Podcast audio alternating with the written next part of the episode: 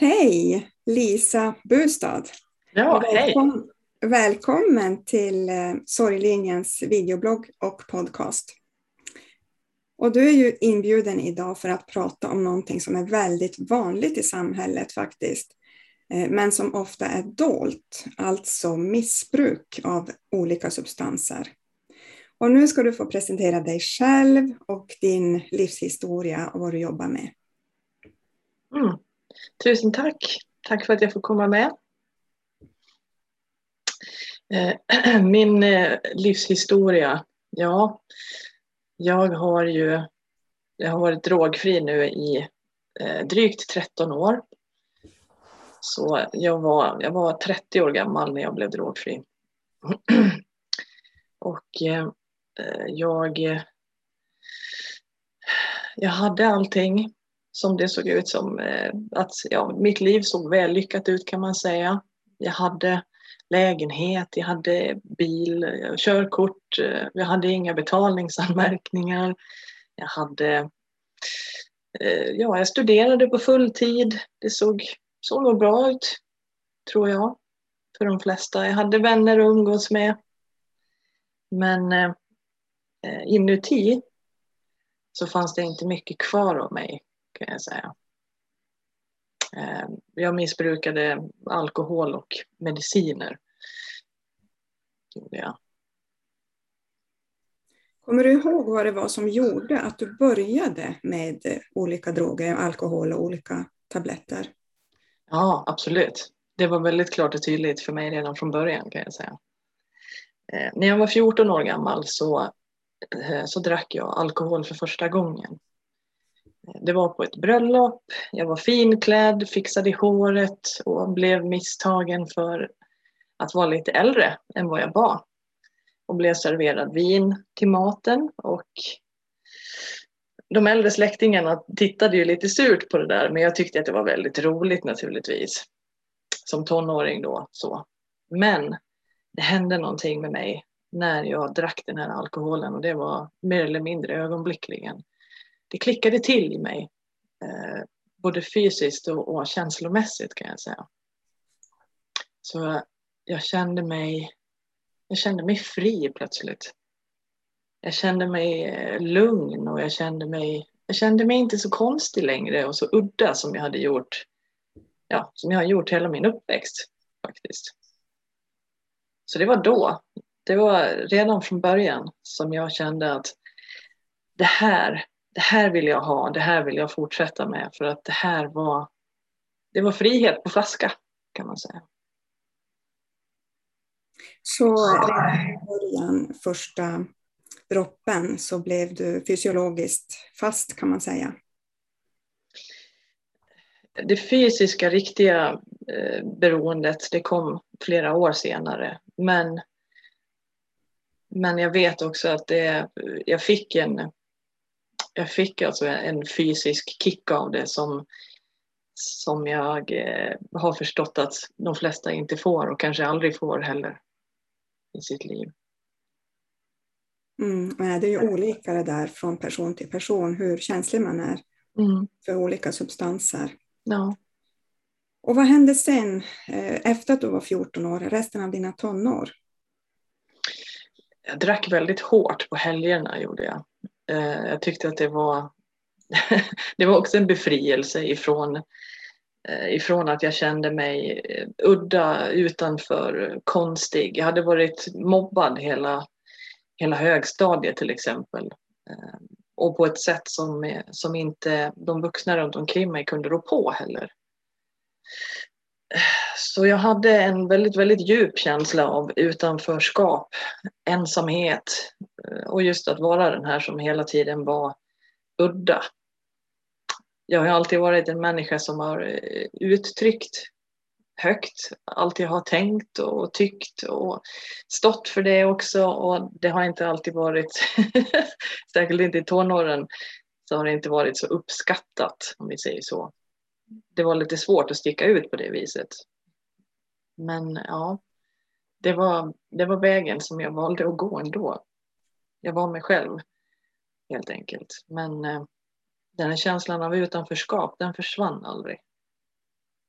Inte när jag blev vuxen heller, utan den fanns alltid där.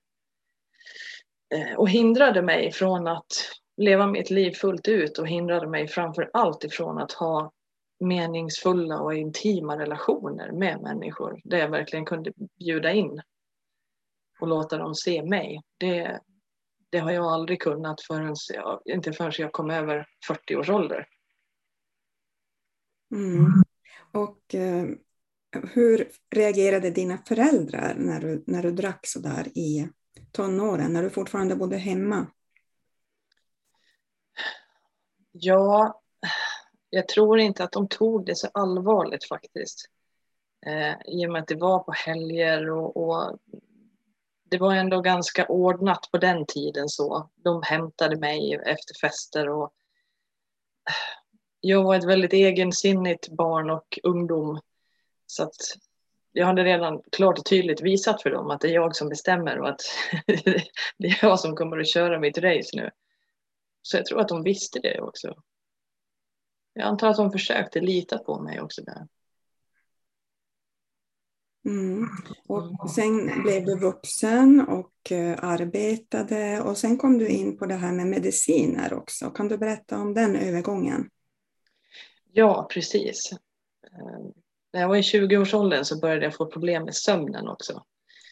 Uh, så jag kunde ligga sömnlös långa, långa perioder, alltså flera dygn kanske ibland.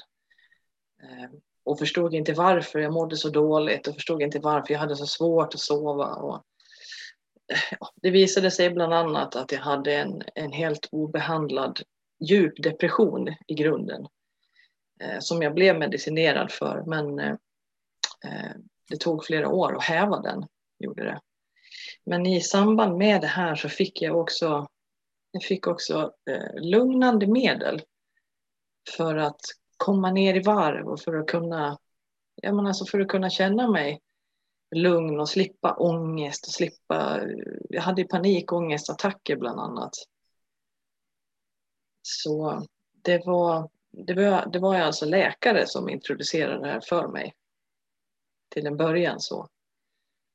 Sen eh, lite senare så så hittade jag också en väg genom vänner till exempel eller vägar som inte var fullt så riktiga kanske. Så. Vad menar du med att de inte var fullt riktiga? Ja, allt eftersom jag sjönk djupare och djupare ner i missbruk och i, eh, vad ska man säga, jag hade ett stort förfall i min moraliska kompass också.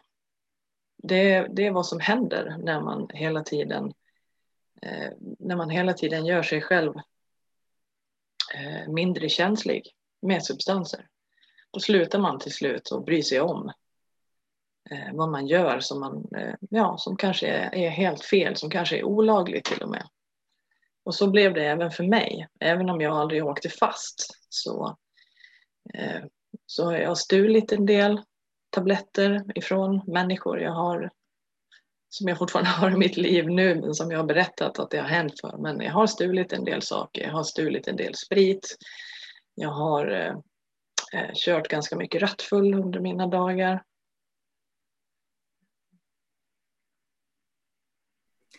Det är otroligt många förluster som du har med dig i bagaget om jag ser det ur sorgperspektiv så är ju det här förluster som jag ofta jobbar med, att eh, men till exempel att man har den här känsliga kroppen för substanser och att man känner sig ensam, mobbad, utanförskap, och, eh, depression, missbruk. Alltså det är ju väldigt många förluster. Så hur vände du på allting det här? När började läkningen för dig? Den eh, började när jag var ja, jag hade kommit upp i 30 års ålder då. Drack varje dag regelbundet. Drack allt jag hittade då vid den, vid den tidpunkten. Jag brydde mig inte så mycket om någonting annat just då. Eh, men jag måste säga att jag hade tur. Jag förstod inte känslomässigt hur illa ute jag var. Jag visste bara att jag mådde fruktansvärt dåligt. Att jag, det var ingen som visste om det. Jag hade dolt det väldigt väl för alla. Men jag förstod inte varför. Men jag hade tur. För att den här berömda poletten man brukar prata om, den stora poletten, den trillade ner. Den dagen jag tittade ner på mina händer och jag kunde inte få dem att sluta skaka. Utan de, de, de darrade och darrade och jag kunde inte få dem att sluta skaka. Och jag hade inte druckit än den dagen.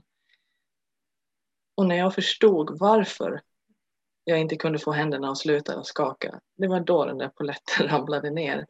Och jag hade sån tur så att den poletten ramlade hela vägen ner i botten. Så jag förstod att jag är alkoholist, jag förstår att jag är beroende, jag förstår att jag måste välja. Vill jag leva eller vill jag dö?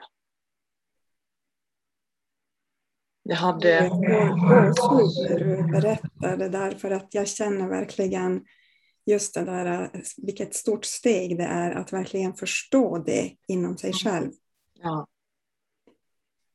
Men jag tycker att jag hade tur, för jag fick ändå förmånen att förstå det här om mig själv så att jag kunde söka hjälp av egen kraft. Det var de sista krafterna jag hade kvar det dygnet. Just att jag ringde den som jag litade på allra mest och berättade som det var. Jag håller på att supa ihjäl mig. Jag måste, jag måste söka hjälp för det här. Och en halvtimme senare så, så var han på plats och så var han där och så såg till att jag eh, kom in på avgiftning dagen efter.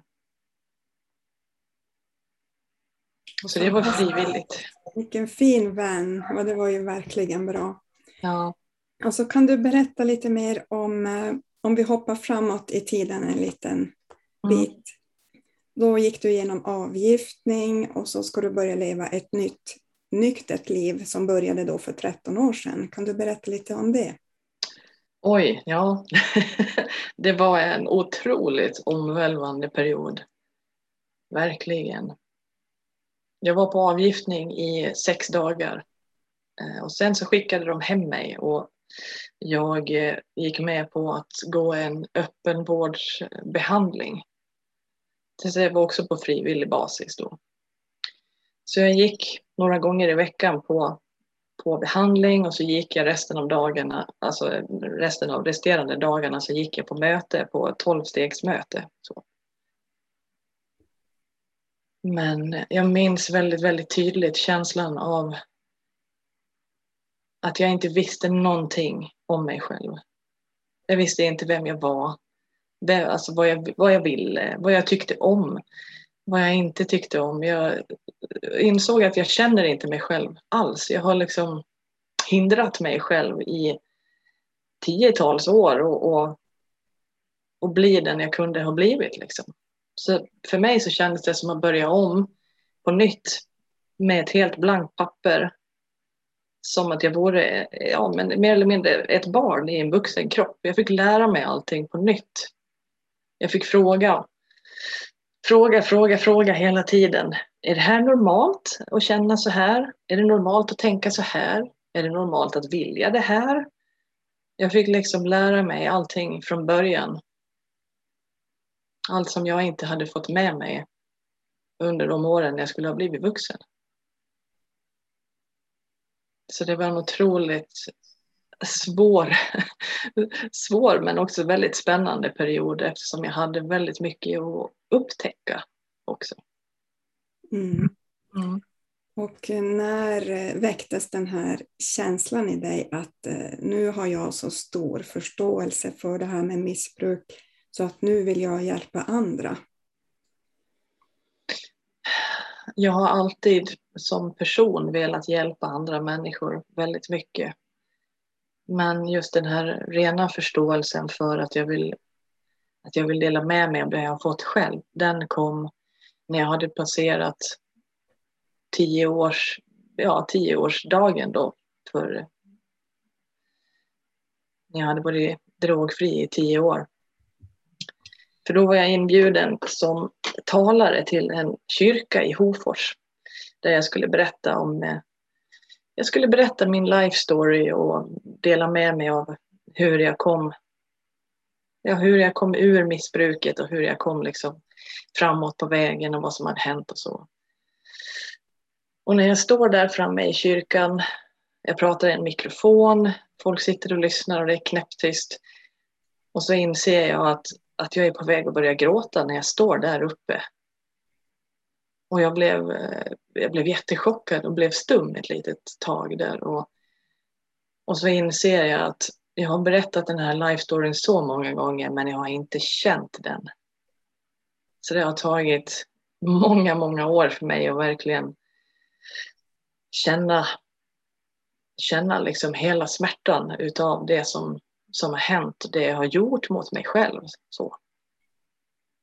Och det var efter det som jag kände att nu klickade det till en sån här stor polett till som rasade ner. Så efter det så kände jag att jag har verkligen jag har gått igenom mycket och jag har aldrig stannat heller i min utveckling. Jag har hela tiden velat gå framåt.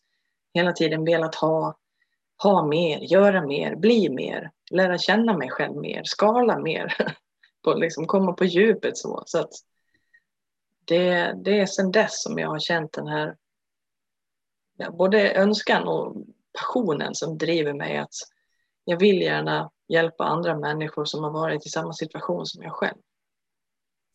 Ja, du har verkligen vuxit för du har ju blivit internationell bästsäljande författare också när du var medförfattare i boken Stormborn. Ja, det stämmer. Berätta mer. Ja, jag eh, har alltid velat bli författare ända sedan jag var liten.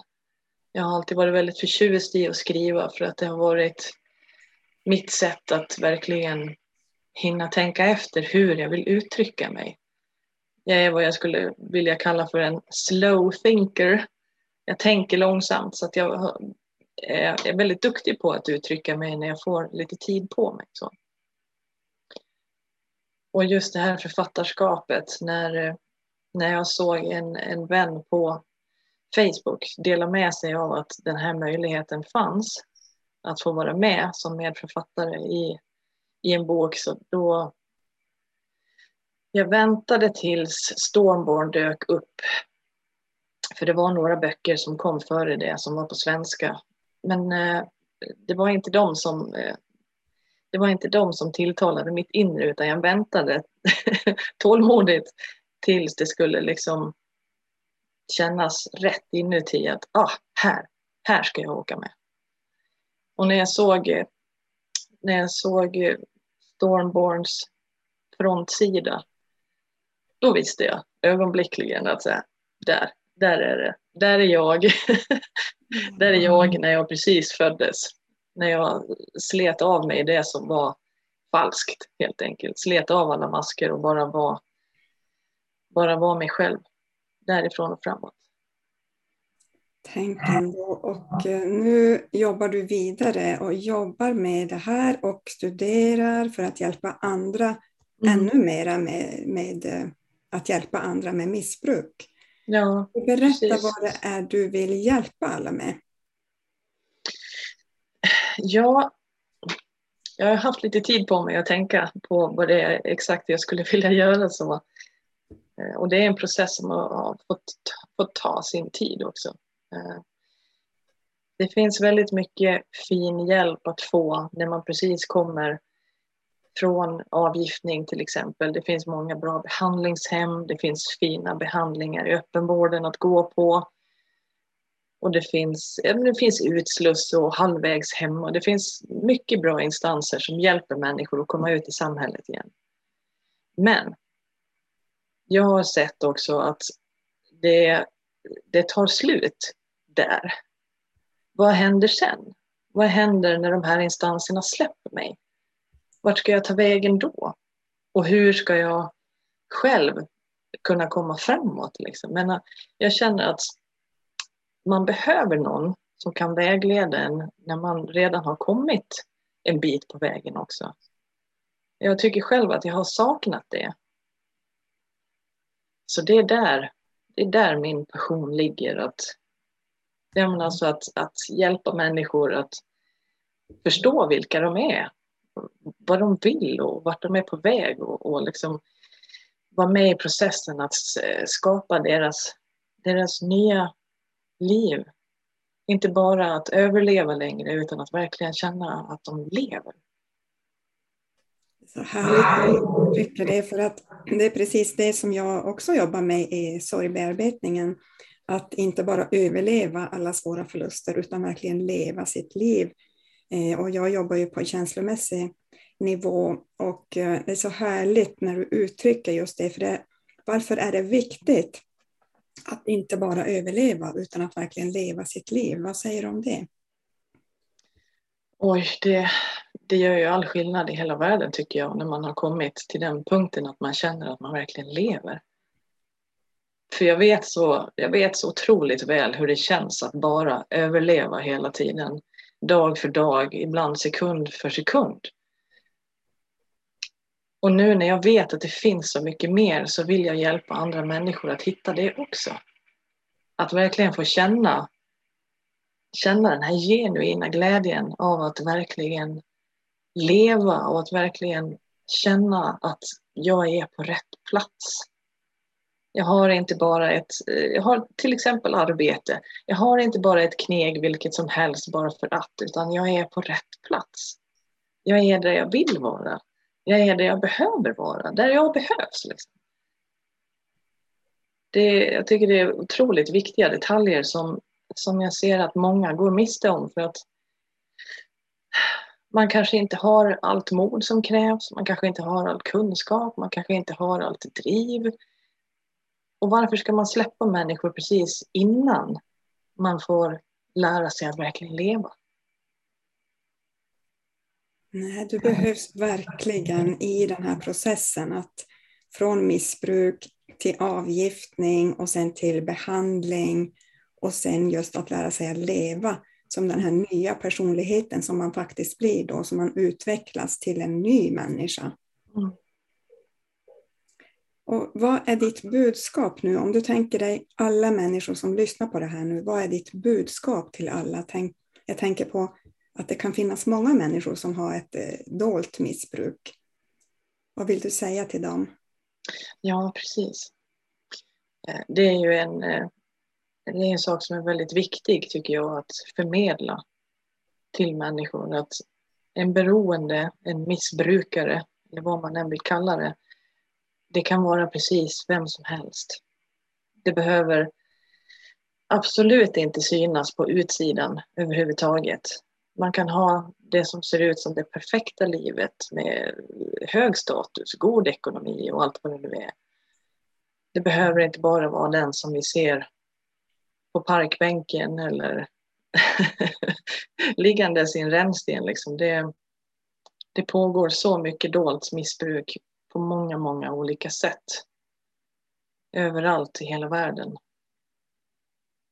Men som jag ser det så enligt mig så finns det inga hopplösa fall utan det finns alltid, alltid en möjlighet att tillfriskna och att få ett liv som man kanske inte ens kan föreställa sig i början.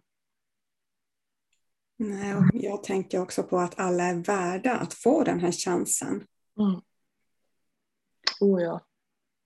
Är det någonting mer som du känner att det här är viktigt att säga? Någon, någon eh, slutkläm på vårt samtal?